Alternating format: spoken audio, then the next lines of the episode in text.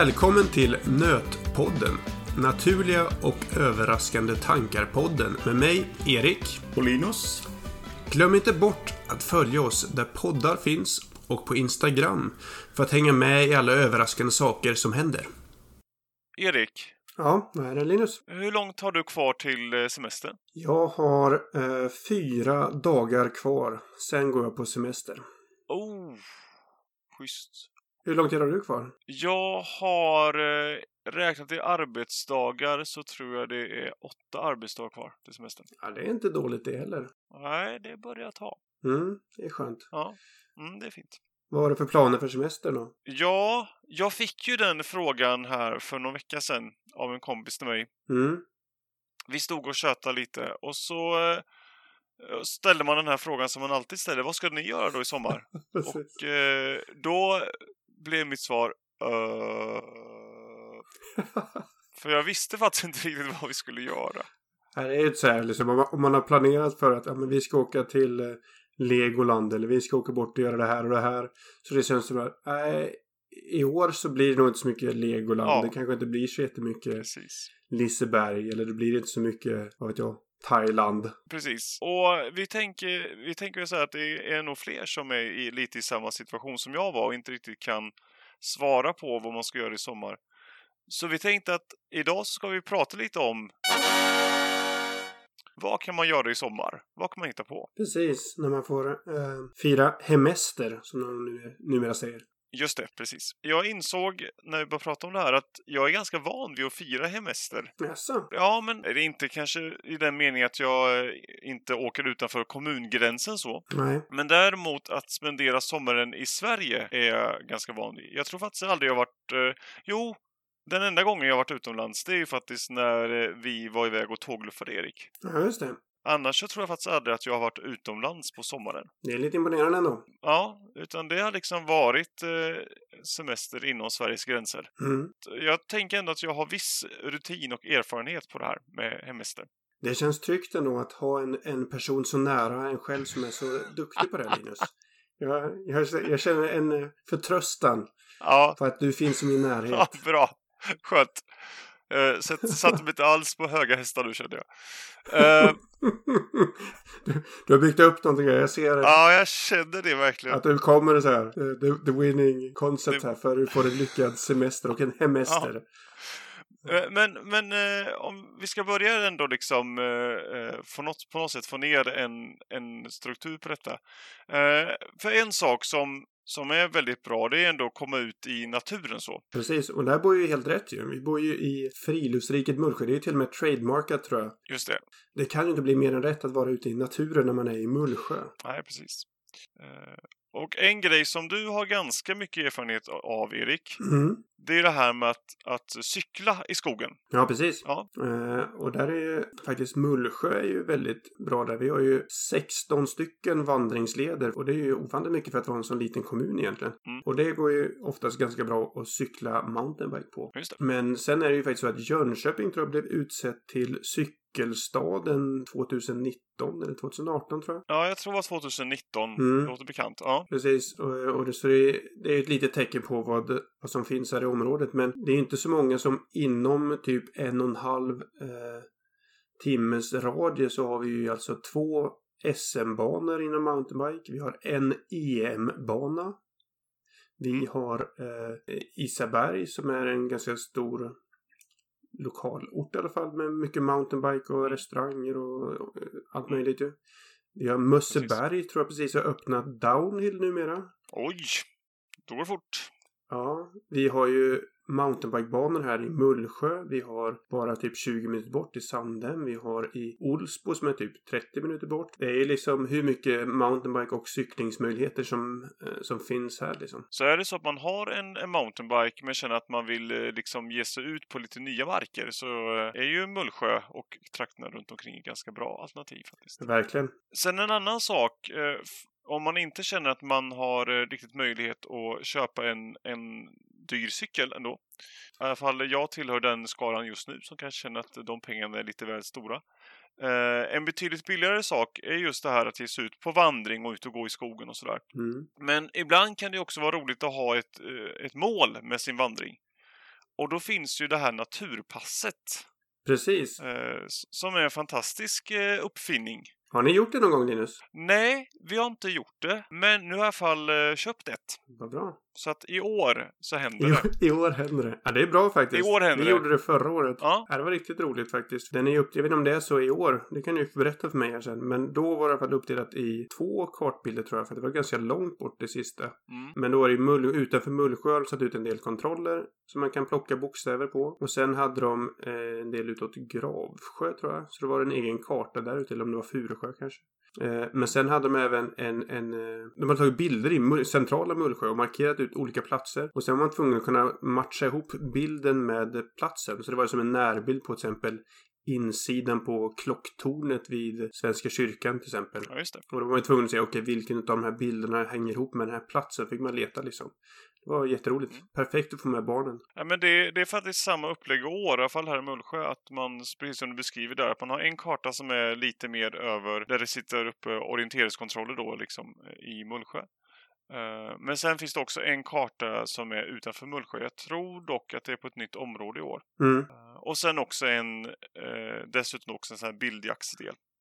Och det här naturpasset, det finns ju på flera ställen i Sverige, så att där kan man ju kolla upp där man bor om det finns ett sånt. Det finns, ibland heter det Hitta ut också tror jag. Jag vet att i Jönköping det. Huskvarna har de ju samma, men då är det, heter det Hitta Mm. ut. Och det tror jag är, vi betalar tror jag en, är en hundring för naturpasset kanske. Som går till föreningar Ja. som gjort det. Hitta ut tror jag att det är ju mer att man kan få igenom jobb och man bara kan hämta från kommunen tror jag. Eh, Men det är samma sak så det är väldigt roligt om man har, är i en annan kommun.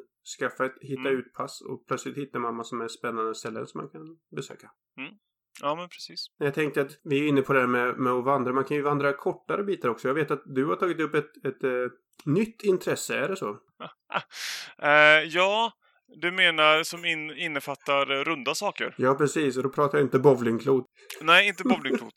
Eh, mer runda platta saker. Nej, men så här är det ju att jag har ju en eh, bror som för några år sedan eh, nördade in ganska hårt på diskgolf. Ja, frisbeegolf menar du? Nej, diskgolf heter det. Har jag fått lära mig. Ja. Frisbeegolf får det inte kallas. Ja, ursäkta. Förlåt Ja. mig. Ja, Jag gör pudeln redan nu. ja gör det. Underbara diskgolfmänniskor. Det heter discgolf. Ja. Ursäkta mig. Ja. Ja, men jag har testat det tillsammans med honom några gånger. Det är för att det är så pass praktiskt att han, eh, han bor precis bredvid en discgolfbana i Borås. Så att eh, han kan i princip bara gå ut för dörren och så är han inne på banan. Men vi får nog förklara kanske vad discgolf är också. Om alla vet vad det är. Är det att man diskar så snabbt man kan? Nej, men det är ju så att då har man ju helt enkelt eh, frisbees och eh, det är inte den här vanliga frisbeen som man liksom köper på närmaste bensinmack så. Utan det är ju lite mer avancerade grejer. Eh, kan man ju säga. Eh, fast ändå inte, det är inte så kostsamt som det låter. Men ändå, man har lite olika diskar beroende på eh, hur långt man har fram till hål, så att säga. Och hål i det här fallet är ju en form av korg.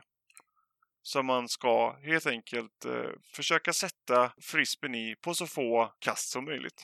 Kan man inte säga att fris eller diskgolf, nu höll jag på att säga frisbeegolf här, men Ja. diskgolf Ja, brukar man väl kalla i folkmun för fast, fattigmansgolf. ja men så är det ju absolut. Att, eh, om du har en, en årsavgift på 3000 kronor för att vara med i en golfförening, då kan du lägga 300 spänn så har du allt du behöver för att spela frisbeegolf. Ja men så är det ju. Jag, jag köpte ju nu mitt startkit här för någon vecka sedan och det kostade mig lite över 500 kronor ungefär. Mm, Och då har jag liksom tre riktigt bra diskar så att säga. Och eh, sen så får man ju absolut vara medlem i, i en klubb så. Det kostar väl några hundralappar. Men ofta är det faktiskt så att eh, det kostar väldigt sällan någonting att spela på olika discgolfbanor.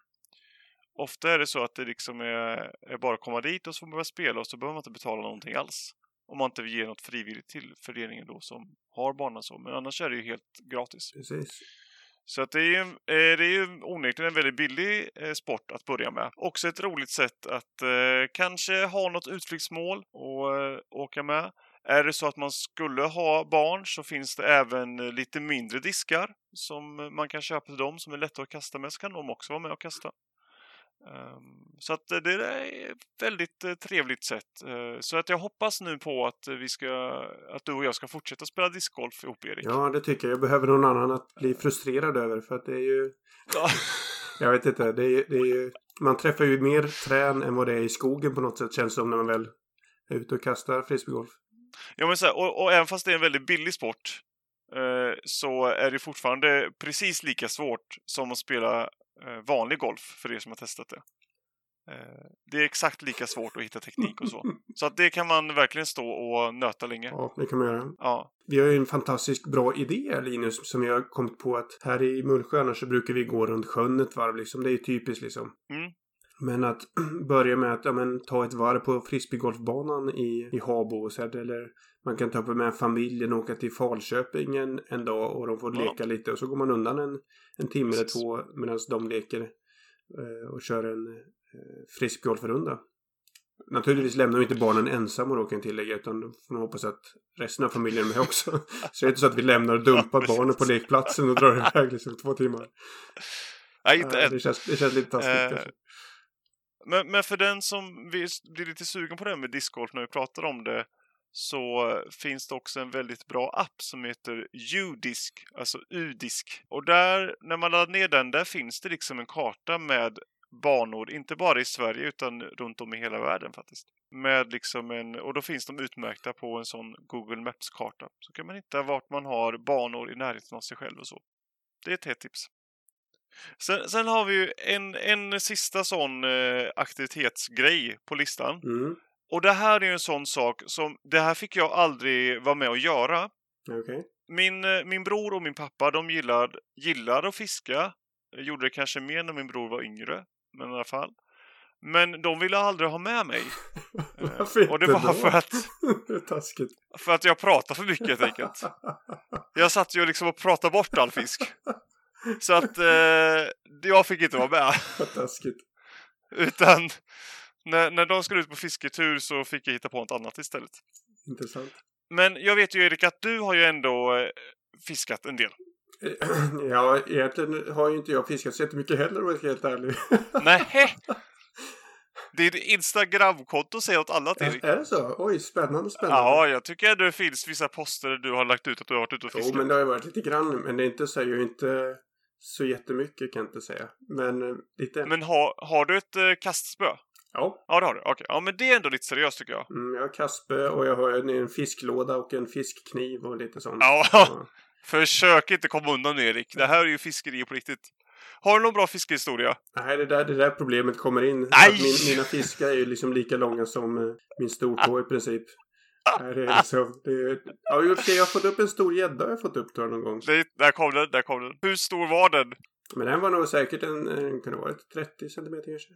Ja, och vägde så här 5 kilo någonting. Ja, jajamensan, den var den fetaste i sjön. Minst, mm. ja precis. Yes. Eh, men däremot finns det ju faktiskt runt Mullsjö finns det ju rätt mycket bra fiske. Du har ju Hökensås som är både för vandring. Ja, just det. Men där de även har, där man kan eh, man får köpa ett fiskekort för en dag eller någonting. Och de planterar ju in fisk. Mm. Så då kan man fiska där. Och likadant har du ju i Mullsjö har du ju eh, också en Trollsjön där de planterar in fisk. Så man kan betala ett fiskekort för att fiska där om man vill sportfiska lite. Men när vi ändå är inne på lite med utflykter och sånt. Har ni några planer på och utflyktsmål? Saker ni ska göra utflyktsmässigt mer än det här lokala liksom som finns i friluftsriket i, i Mullsjö? Uh, ja, men vi har ändå funderat på... Uh, vi har ju införskaffat ett nytt tält här nu. Mm. Jag har hört att det är ett fantastiskt uh, fint tält också. Det är ett jättefint tält. Har det gått bra att sätta upp det? Det har inte gått bra att sätta upp det. jag tycker inte om de här små ledande frågorna du ställer, Erik. vi har köpt ett Robens Cabin 600, tror jag heter. Ja. Ett väldigt fint tält. Men vi har satt upp det en gång, men vi lyckades inte riktigt få det spänt. Men du har ju också lovat att du ska komma över och hjälpa mig och, och sätta upp det. Mm. Så att vi får ordning på det. Har ni, lyck har ni lyckats rulla in det i eh, förpackningen efteråt? Nej, det har vi inte heller. Förlåt. Så det behöver vi också lite hjälp med. Jag kan säga, Så. ärligt talat kan säga att det tog mig ett antal försök att komma på tekniker för att bara rulla ihop det det så alltså? Ja. Ja. Jag tänkte, hur svårt ska det vara? Påsen är gigantisk. Och sen så viker man Ja. ihop den så blir det, nej, det- jag kan, inte, jag kan inte knäppa den, det går inte liksom. Och sen så blir det så, jag fick så här, hålla på ett antal gånger innan jag kom på, okej, så här måste jag Ja. göra. Och sen så, Ja. man gjorde det och rullade ihop det och sen insåg man att slutet så är det så en stor luftballong. Jag tänkte, men varför försvinner inte luften ut? Ja, precis! Ja, du ser. Och då, Ja. då finns det lite knep och tips där kan jag förtälja. Åh. Mm. Det finns så många bra tips. Nej men, nej, men grej, och grejen är ju det här att jag tror att många som lyssnar kan känna igen sig lite där också. Att lite fruktan med att ha ett tält är just det här att hur ska jag liksom få ihop det och få ner det? Och sen är det lite, det, det roliga är ju om man är på en camping till exempel. Då är det, det är lite Ja. grann som man sätter upp en husvagn. Att Ja, om du kommer dit med husvagnen och du inte vet hur man sätter upp förtältet. Utan du står där och det blir den här lite diskussionen liksom. Gör vi rätt Ja, eller gör vi ja, fel? visst. Är det rätt pinne? Visst. Det blir ju lite Ja. pinsamt. Det är lite som att, att Ja. segla i Göta kanal liksom. Ja, du ska komma precis. dit och du ska ha den här undermedvetna kommunikationen om hur man gör. Ja. Eh, Tält är ju lite samma sak. När man kommer till eh, en camping, du ska sätta upp ditt tält. Mm. Då ska det ju bara funka. Du ska bara ut där och slänga ut Mm, alla pinnarna, precis. in med dem och swoosh Precis. så är tältet uppe. Om du står där och du Ja. Börjar diskutera om men vilken pinne är det jag ska sätta Ja, över fönstren och vilken är det jag ska Ja. ha här. Är det en korsbåge? Jag ska göra en knut här. Då, då faller det liksom. Det är, ja. Och då, börjar, då ser man så här hur folk runt omkring eh, grannarna på campingen börjar liksom plocka fram liksom chips och popcorn och annat för att liksom studera liksom det här underhållningen som bjuds. Man hör det bli helt tyst plötsligt och sen ser man att alla Ja. bara sitter där och fikar och, och mumsar med sina små lyktor tända och så ser man leendet Jajamän. Ja. Och så har börjat så här vadslagning om så här hur lång tid kommer det här att ta? Ja. Vem kommer närmast? Tipset är fixa ditt tält innan man åker iväg någonstans. Ja, ja men precis, verkligen. Alltså öva på, eh, har du en trädgård så öva på att sätta upp det i trädgården. Eh, har du inte en trädgård så låna en trädgård av någon och testa och sätta upp det. För det finns inget mer frustrerande än att stå där och inte veta hur man ska få upp det. Och även att packa ihop det är bra då som sagt. Japp, precis. Så man ska veta hur man kan vika det och så. Mm. Eh, lite förberedelse kan behöva. Men annars är ju tältandet väldigt attraktivt. Vi, vi testade att tälta som familj första gången förra året och eh, tyckte det gick överraskande bra ska jag säga. Mm. Och då ska sägas att vi har ju ändå då en, ett barn som då var tre år och, ett, och två barn som är sju år. Mm. Och det gick alldeles utmärkt utan problem. Eh, De tyckte det var supermysigt, var jättenöjda och eh, det funkade verkligen jättebra. Eh, Så det är ett, för de som kanske inte har vågat sig på det här att ge sig ut eh, eh, och det kan man ju både göra på en camping men även ge sig ut i skogen och tälta liksom. Det är faktiskt ganska eh, det är trevligt och inte så, så pass eh, hemskt som många kan tänka sig. Fast jag tänker det är två sorters camping, är det inte det? Ena om du kör skogen då vill du inte ha sånt stort tält som vi Nej. pratar om här. Det är ju mer Precis, det vill, då vill man ha ett mindre tält. Ja, för att om det är sånt stort tält då gäller det att ha en bil och det gäller att ha en takbox så man får med sig allt man ska ha. Speciellt Ja. om man har många som reser med det. Ja. För det ni har har ju köpt är ju ett sexmannatält tror jag? Ja, det är ett segment. Så det är ju mer campingtält egentligen. Mm. Men man kan ju också köpa lite så här mindre iglotält till exempel. Precis. Om man nu vill ut i skogen. Och de är också lättare att sätta upp. Ja, och det går faktiskt att åka med dem till eh, vanlig camping också. Vi gjorde det i början vi hade ju tremannatält som vi var i hela familjen. Alltså vi var ju två vuxna och tre barn Ja. i sista Ja. året tror jag.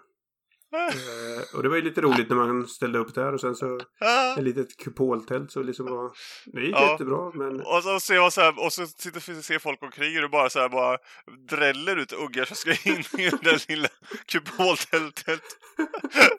och undrar hur det här ska gå till. Ja, ja, men det funkar bra. Men då var det att barnen var ju så korta så de sov ju liksom skavfötters bredvid varandra. Ja. Eh, annars hade det inte gått. Jag gjorde, testade det i somras så då fick jag ligga på högkant och sen så de vid sidan om och det var inte så skönt kan jag säga. Jag sov Ja. inte många timmar den natten. Nej. Nej, men så tält är ju, det, det är inte så dumt. Eh, det, det rekommenderas. Sen eh, en annan sak som jag har tittat på, det är en sån här murika, Erik. Och det vet jag att ni har en sån. Kan du förklara vad en murika är för någonting? Eh, där, vi har faktiskt ingen Murika. Däremot Ni har, har bara mina svärföräldrar har fått Ah, Okej, den. sawa sawa. Ja, Och ni har kontakter. precis, vi har kontakter och vi har, vi Ja. har lagat på Murika är ju egentligen typ som en stor gjutjärnsgryta eller gjutjärnspanna som man kan ha över elden ju. Ja, ja. Och de är ju eh, fantastiskt trevliga för att då har man en eh, lägereld eller något slag. Mm, mm. Och sen ställer man den här ovanpå och sen så kan man ju slipper man bara göra det här med hamburgare eller korv utan de kan man ju faktiskt göra annat exempel. Vi har kört mycket nu sista har varit eh, vi köper ett paket med pulled pork. eh, Släng på det i mitten och sen släng Mm. på sås och sen så lägger man på lite extra crème fraîche. Och sen slänger Ja. du i typ paprika och lite annat, eh, lite svamp, färsk champinjon och någonting. Och sen Ja. blandar runt det så att det blir varmt och kokar lite. Mm. Och sen tar man upp det och serverar det i tacobröd med eh, sallad. Mm. Åh, det låter ju smarrigt alltså. Ja, det var riktigt gott. Där. Ja, det är ju helt klart en, ett, ett steg upp från eh, korv med bröd, Det kan man säga. kan vi säga. Och det ja. går ju väldigt fort att tillaga när man väl kör igång det. Eh, och det är lite Mm. roligt för det, det, det puttrar far och man får röra runt lite och gojsa lite. ja, men verkligen så. Eh, och jag tänker att man behöver ju inte lägga ambitionsnivån där från början om man inte är så erfaren på att ge sig ut i skogen. Nej, precis. Eh, utan man kan ju ta det lite försiktigt. Och man kan ju till och med, apropå det här med korv med bröd, ett klassiskt sånt tips om man känner att men jag orkar inte liksom ha, och jag vet inte ens om jag kan ta mig till en grillplats så, men jag vill ändå ut i skogen och jag vill ha lite lunch med mig, är ju faktiskt den klassiska att ta en, en enliters termos, fylla den med varmt vatten, stoppa ner kokkorv i den och så har du färdig korv faktiskt eh, till lunch utan att ens behöva tända en eld. precis. Det är liksom en bra, bra sån eh, eh, insteg till att äta mat ute. Om man inte har gjort det så mycket. Andra alternativet är ju ett, inte jag höll på att säga klassiskt utflyktsmål, men jag har gjort det någon gång i alla fall. Det är att man tar på kvällen åker man ifrån Mullsjö och så åker man till Gränna. Och så sätter man sig på Grännaberget och har med sig en utflyktsmacka eller köper en räkmacka eller något sådant Mm. där och äter det där uppe och kollar på solnedgången där uppe. Ja, Eh, Det är också ett väldigt smidigt sätt att äta ute. Då slipper man faktiskt laga någonting alls utan man kan faktiskt köpa allting. Och så får man ändå vara ute. ja. Precis. Det är jättebra. Och, ja, men precis som du säger, att ta sig till sådana fina platser som man har runt omkring sig. Mm. Och ta med sig lite picknick och bara sitta där och njuta av solnedgången. Det är bra grejer. Men om vi ska lyfta fram ett eh, lokalt eh, utflyktsmål här också. Eh, då har vi något så fantastiskt som ett trägubbsmuseum här i Mullsjö. Ja, det har vi! Ja! Eh, och eh, det finns så, jag, har, det, det här, jag tycker det här är lite spännande med Trädgårdsmuseet. Ehm, och det, det finns så många frågor som jag har kring det här. Eh, till att börja med så är ju bara tanken så här att hur, hur kom man på bara idén att jag ska ha ett trädgubbsmuseum liksom? Var, var kommer den tanken ifrån? Och sen också blir man ju nyfiken på också, eh, för att just begreppet museum säger ju också att då måste det ju vara ganska stort och ganska många trägubbar liksom. Ja. Eh, vad, vad har du för eh, relation till det här trädgårdsmuseet, Erik? Ja men min, min relation är väl den att eh, jag flyttade hit till Mullsjö för några år sedan. Och jag har ju haft lite samma fascinationer som du har. Men jag har ju Ja. aldrig varit på detta museum. Är det sant? Nej, och jag, Du har ändå haft möjlighet länge. ja, jag har pratat om detta i flera år. Och Ja. eh, min fru har nog sagt varje år ja, du får åka dit. Jag vill inte åka dit. Då får du göra det själv. Eh, och jag har en känsla av att det är lite samma sak på er ända också kanske. Ja, jo lite så. Och det är också det som är så bra att när man har barn nu, Mm. för man skulle bli väldigt utpekad om man åkte själv till ett sånt här museum. Men det som är bra när man har barn är att då vet man att man har alltid sällskap. Och våra barn är ju sån där tacksam ålder också, så att de hänger på allting också som man hittar på i princip. Om man bara lyckas marknadsföra på ett bra sätt. Just det, han är bra. Ja, Ja, nej men utöver det så inte jag, jag har mest bara ställt lite allmänna frågor kring det. Men har inte så mycket information. Men däremot så vill du gärna åka dit. Så att vi kan ju få ta det som ett, ett mål, Linus. Att vi åker till Trägubbsmuseet helt enkelt i sommar. Ja, men det tycker jag. Precis. Och är det så att det är någon som lyssnar på detta som också blir, precis som vi, nyfikna på Trädgårdsmuseet så ska jag ändå informera om att det är lite oregelbundna öppettider på det här museet. Eh, han har ju inte riktigt öppet mellan 10 och 4 varje dag, utan det kan vara någon helg ibland och någon dag ibland sådär. Så man får ha lite, eh, lite koll så. Jag vet inte, jag har för mig att det finns någon Facebook-sida eller hemsida av något slag som man kan gå in och kolla på. Eh, på Trädgårdsmuseet och se lite när det är öppet. Jag tänker mig lite att det är som eh, eh, Emils snickarbo fast i, i mycket större format. Så tänker jag. Kanske lite mer avancerat också. Det är nog inte liksom eh, likadana ja. trägubbar. Utan Nej, det är nog precis. mer avancerad träsnickeri hoppas jag. Ja. ja. Men det är också intressant om det var så att det hela började med att han gjorde väldigt mycket hyss. Och därför så började han tillverka hela tiden. Det kanske var så. Han hade en egen liten snickarbo han fick sitta instängd i. Stackarn. Precis. Vad ska jag göra nu? Nej. Nej usch. Jag började tälja mina egna och sen växte intresset att åh, jag måste ha in andras mm. trägubbar också. Och så blev det ett trägubbsmuseum. Ja, man vet aldrig. Nej. Det är, vi får fråga helt enkelt när vi är där. Ja, det måste mm. vi göra. Det är jättebra. Ja. Men då kanske vi ska gå över till veckans land istället, Linus. Ja, men det blir bra. Ja, vi kör på veckans land. Veckans land! Ja, veckans land. Det kommer bli vad då Linus? Ja, men vi har tänkt att vi ska prata om Chile faktiskt. Spännande. Ja, det är mycket spännande. Ett land i eh, Sydamerika. Mm. Det som först dyker upp när man tittar på Chile är ju att det har ju ganska speciell form. Ja. Vi har ju gjort en lite research här innan Eh, och vi har konstaterat att landet är ungefär lika brett som Sverige är. Alltså ungefär 35 mil. Sådär, från öst till väst. Så det är ju inte så ögonfallande. Fast det är ju det man tror att det inte är ju. Jag tänkte så att det, är jättesmalt. Men ja, sen när du börjar mäta på det och börjar kolla på det så att ja, det är lika brett som Sverige. Då blir jag så här, jaha. Ja, och då funderar man på vad är det man har reagerat på då? Och vad är det som gör att man upplever det så smalt? Precis. Uh, och det har nog snarare att göra med att det är så vansinnigt långt. Mm från norr till söder. Uh, därför att vi börjar titta på detta då och försöka jämföra. Och det här är ju, det här är ju jag som är geografilärare, det här är ju ett standardtips kan man säga om man ska titta på sådana här saker. Uh, att ja, men säga då, som i Chiles fall, att det är 4300 uh, eh, kilometer långt. Det säger ju väldigt, väldigt lite. Mm. Så att lärartipset här är ju att jämföra det då med någonting som man liksom kan sätta i relation till. Liksom. Hur långt är det här? Ja, precis. Och då gjorde vi det, Erik. Och då tänkte vi att vi börjar i Mullsjö. Och så beger vi oss västerut, tänkte vi. Precis. Hur långt kommer vi då? Och hur långt kommer vi då, Erik? Vi kommer ju till, nästan till Nova Scotia i Kanada. Ja. Vi hamnar ju en liten bit ute i havet utanför, men ja. i princip så kommer vi fram till, jag tror att eh, stället heter St. John, va, som är typ yttersta ön på utanför Kanadas kust där. Ja. Så vi lyckades nästan ta oss torrskodda över Atlanten genom att lägga ut Chile från Mullsjö och sen fara västerut. Det är sjukt långt.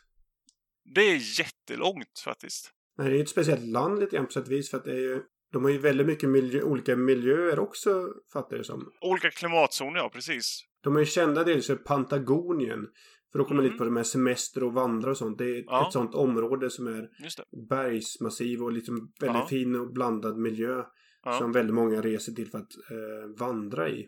Ja.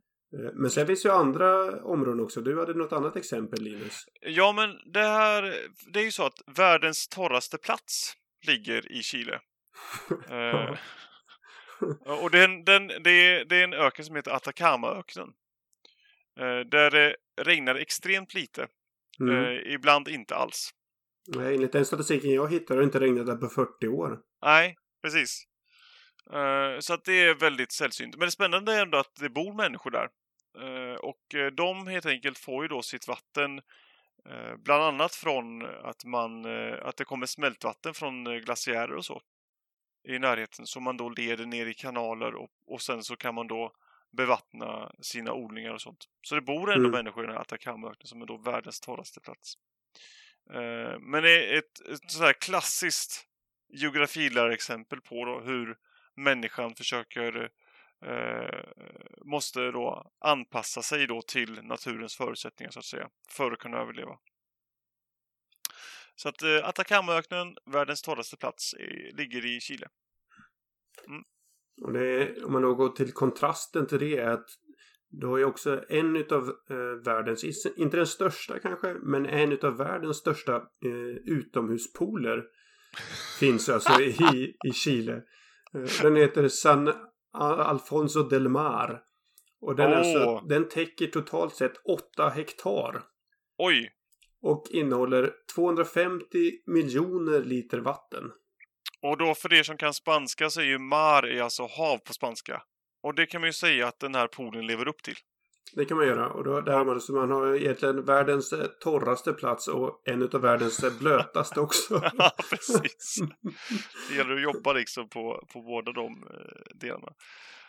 Men sen får man inte glömma heller att de har ju också mycket kultur i form av, du har ju Påskön. Just det. Och eh, Maui-statyerna som tillhör Mm. världsarvslistan. Mm. Eh, och den är lite barndomsminne för mig. Jag kommer ihåg de här dokumentärfilmerna om Tor Heyerdahl. Om hur han bygger Ra 1 och Ra 2 och försöker åka med sin vassbåt Just över till eh, Påskön. Mm.